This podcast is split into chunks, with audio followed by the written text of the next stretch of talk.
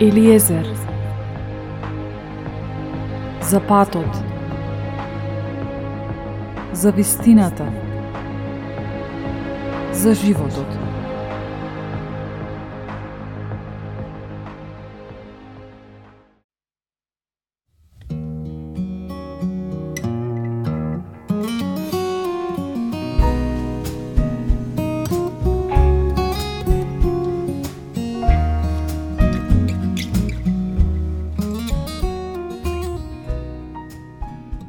Да не го трошиме животот залудно, да не го трошиме нашето време залудно.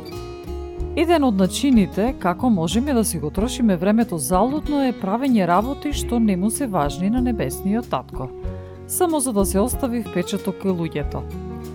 Нашите мотиви не се оно што го правиме, туку зошто го правиме оно што го правиме, а тоа е всушност делот за кој Бог најмногу се интересира – Во ова издание на Елиезер ја разработувам темата за нашите мотиви како фактори за вистински успех.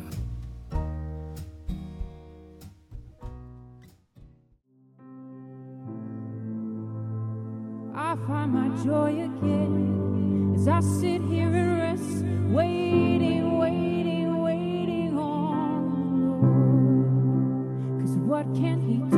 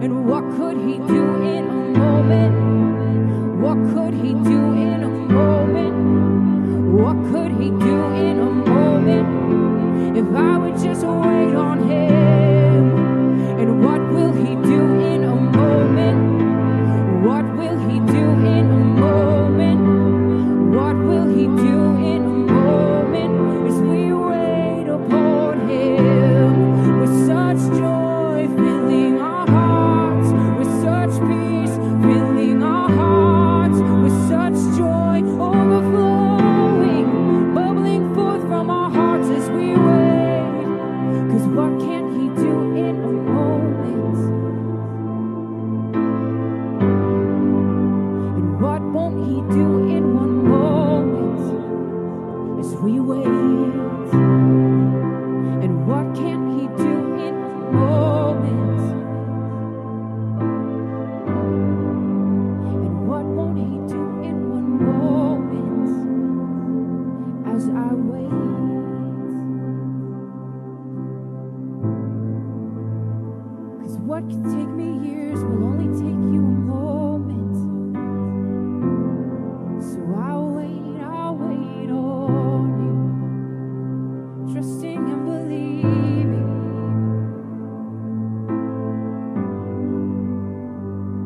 Patiently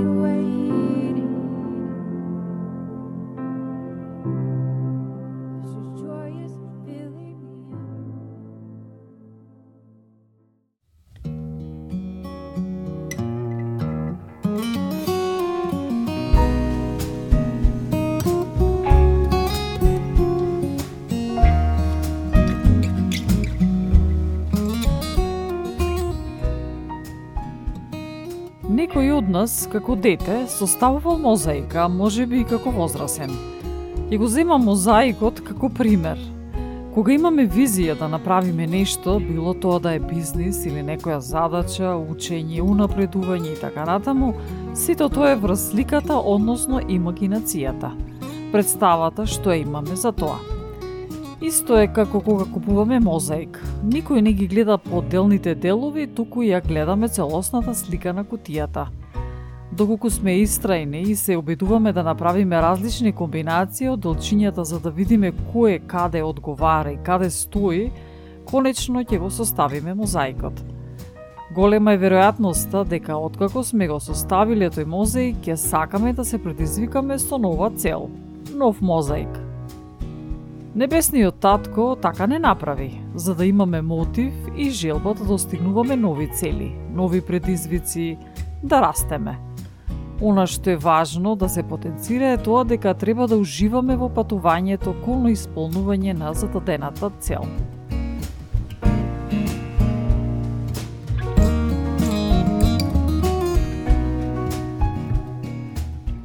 Доколку не уживаме во патувањето, постои можност поголемиот дел од нашиот живот да го поминеме изфрустрирани. Во најмала мера од секое патување добиваме искуство – Исто како што аплицираме за одредена работна позиција и на интервјуто го прикажуваме нашето искуство, така и небесниот татко сака да имаме искуство.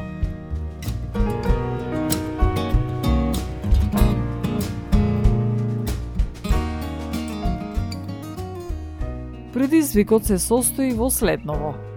Лесно е да се каже некому да му ги прости престапите на својот ближен, но кога станува збор за нас лично, кога нас не се случува некој да не повреди, и особено кога таа личност е тешка за сакање, ех, тогаш настапува нашето искуство. Лесно е да му се каже некому што да прави, како да постапи, да се дели совет – а колку е тешко истото да го имплементираме ние, нели? Колку пати сме го прашувале Бог што треба да правиме, а тој ни рекол, направи го истото што ти би му го кажал на другиот да го направи.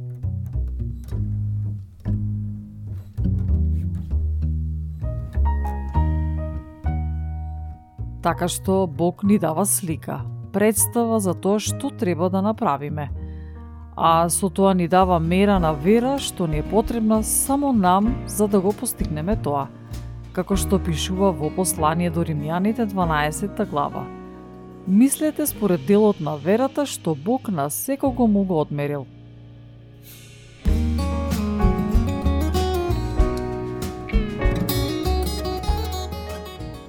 Што ми отвориме кутијата и ги стуриме сите делови од мозаикот, изгледа невозможно како ќе ги составиме и како ќе ги поставиме на точното место во мозаикот.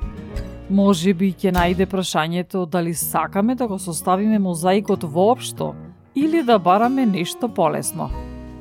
Има многу делови да се состават од моментот каде сме и каде треба да стигнеме. Исус Христос во Евангелие според Јован констатира – Јас те прославив на земјата, го извршив делото што си ми го дал да го извршам.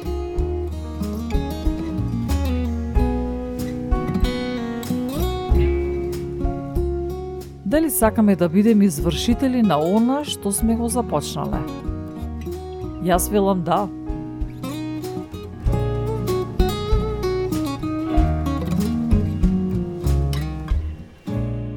Кога почнуваме да го составуваме мозаикот, прво ги поставуваме деловите кои оформуваат рамката, па потоа ја составуваме внатрешноста на сликата.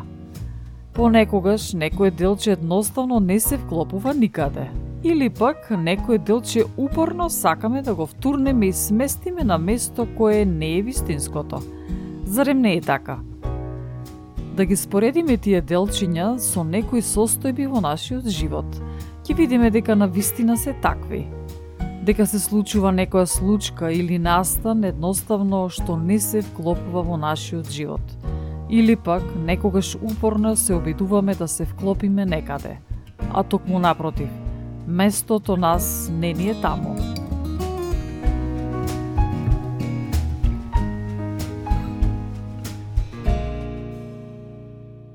Лесно е да се зборува за победата, за успешните луѓе, за готовиот производ. Но не секој зборува за процесот, за предизвиците, за тешкотиите, за подовите, па споредувајќи се со успешните, доаѓа чувството на незадоволство, фрустрација, омаловажување, нетрпеливост, дури до степен на откажување. Личниот раст и развој трае постојано. Во послание на апостол Јаков е запишано – Радувајте се, браќа мои, кога ќе паднете во разни искушенија, знаејќи дека испитувањето на вашата вера создава трпеливост. Трпеливоста пак нека ви биде совршена работа, за да бидете совршени и целосни, без никаков недостаток.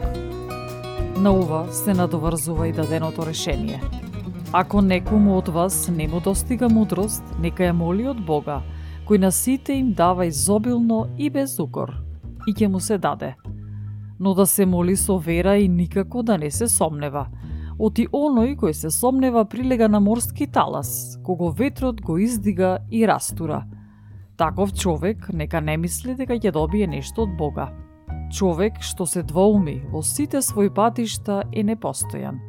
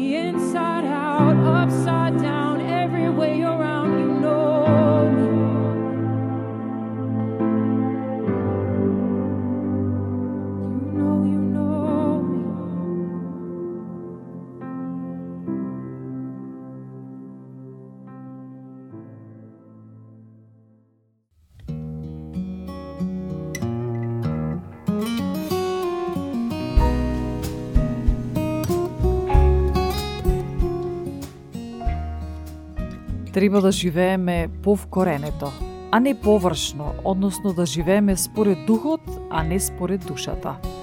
Душата има три дела – ум, волја и емоции. Таа не ни кажува ништо за Бог, туку за нас. Умот ни кажува што мислиме, волјата ни кажува што сакаме, а емоциите ни кажуваат што чувствуваме. А Бог сака да живееме според духот и сака да стигнеме до степен до кој ќе живееме според она што тој го кажува, без оглед на нашите мисли, волја и чувства. Имено во послание до римјаните 8 глава стои Оти оние кои живеат по тело мислат за телесното, а кои живеат по дух за духовното. Телесното мудрување е смрт, а духовното мудрување живот и мир – бидејќи телесното мудрување е непријателство против Бога. На законот Божие тоа не му се покорува, ниту пак може. А оние кои живеат по телото не можат да му угодат на Бога.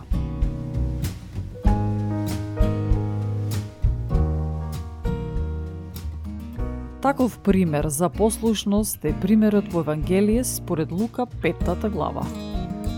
Еднаш, кога народот се притискаше кон Исус за да го чуе Словото Божјо, он стоеше покрај Генисаретското езеро. Тогаш виде два кораба што стоја покрај езерото, а рибарите излегле од нив и се ги плавеа мрежите.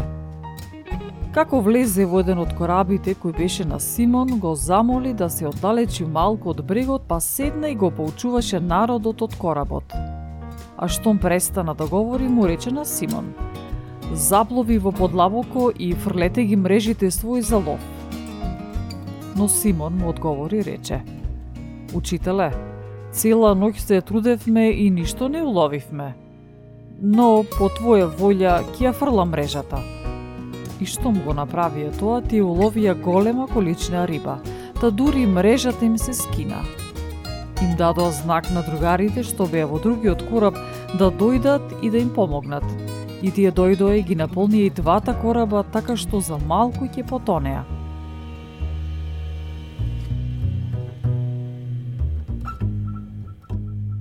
Може да се заклучи дека и покрај, според Петар, бесмисленото спуштање на мрежите во морето и она што го поминаа во текот на ноќта, послушноста на Петар даде резултати. Така и за нас. И покрај нашите мисли, емоции, желби, Најважно е да бидеме послушни на Господовиот глас, без оглед на тоа колку болно и тешко може да изгледа.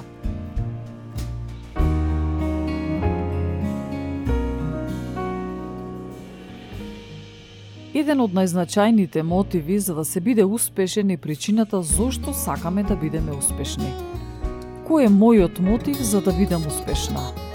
Дали од себични причини да си докажам себе си дека можам и дека тоа ќе ми биде критериум за среќен живот? А на ова може да се додаде и причина плюс, да им докажам на другите дека сум поуспешна од нив. Или Сакам да бидам успешна и на тој начин да им помогнам на другите и со тоа да ја реализирам мојата од Бога дадена мисија.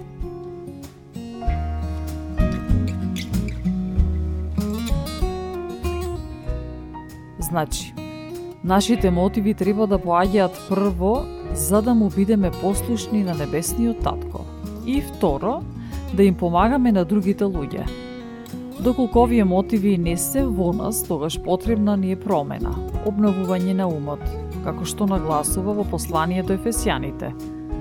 Оти ние сме негова творба, создадени во Исус Христос за добри дела, што Бог ги предопределил уште од порано да ги вршиме. Да го отфрлите од себе стариот човек според вашето поранешно живење, кој се распаѓа во измамливи желби – да се обновите со духот на својот ум и да се облечете во новиот човек, создаден според Бога во правда и светост во вистината. Вие некогаш бевте темнина, а сега сте светлина во Господа. Живеете како деца на светлината.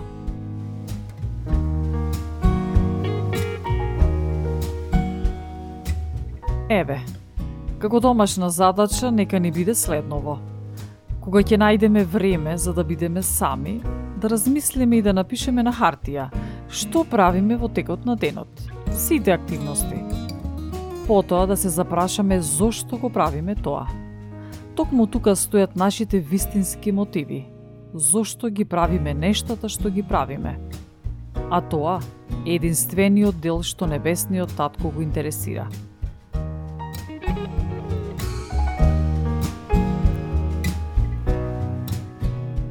Нашата промена подразбира и понизност, како што гласи Божиот збор, и така понизете се под силната Божја рака, за да ве возвиши во право време. Ако не се понизиме доброволно, тоа ќе го направи тој, а мора да се биде реален и искрен. Поболно е кога тој го прави тоа наместо ние доброволно. Доколку не сме понизни, успехот може да биде опасен. Зошто? Затоа што постои можност да почнеме да мислиме дека нашиот успех се должи на нас, на нашите можности, нашето постоење без небесниот татко, дека ние сме богови над се, а уште полошо, да мислиме дека сме подобри од другите луѓе, а тоа отвора врати за да ги омаловажуваме другите, со мислењето дека не се толку важни колку што сме важни ние. Така се развива гордоста, Во послание до Ефесијаните јасно стои. Бог, богат со милост, поради големата си љубов со која не засека, иако бевме мртви поради гревовите наши, не оживе со Христос и не воскресна со Него и постави на небесата во Христос Исус, за да им го покаже на идните векови преизобилното богатство на својата благодат во добрина кон нас, преку Исус Христос, зашто по благодат сте спасени преку верата, и тоа не е од вас, Божие даре, не е од дела, да не би некој да се попали.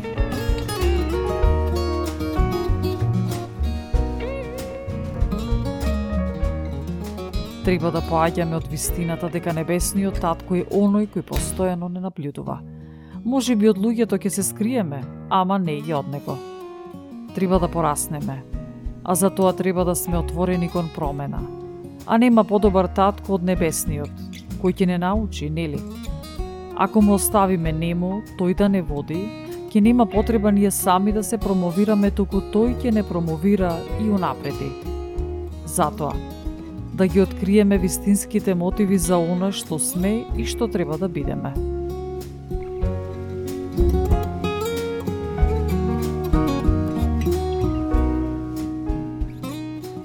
Драги слушатели, се молам Бог на нашиот Господ Исус Христос, Отецот на славата, да ви даде дух на мудрост и откровение за да го познаете и да ги просвети очите на срцата ваши, за да увидите во што се состои надежта на повиканите од Него. Колкаво е богатството на славата од наследството Негово во светиите и колку е неизмерна величината на Неговата сила во нас, кои веруваме преку дејството на Неговата крепка сила. Таа сила, Он ја покажа во Христос, кога го воскресна од мртвите и го постави од својата десна страна на небесата. Повисоко од секое началство, власт, сила и господство, и од секое име со кое се именуваат не само во овој свет, туку и во идниот. И се му покори под неговите нозе и го постави глава над сите во црквата, која е негово тело, полното на оној кој исполнува се во се.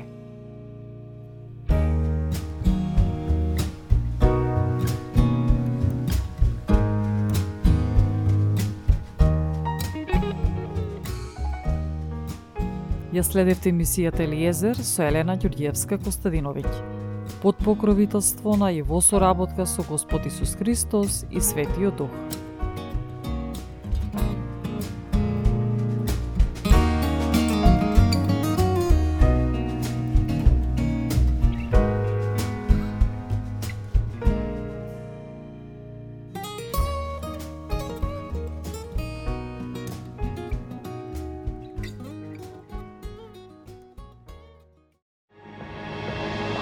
Eliezer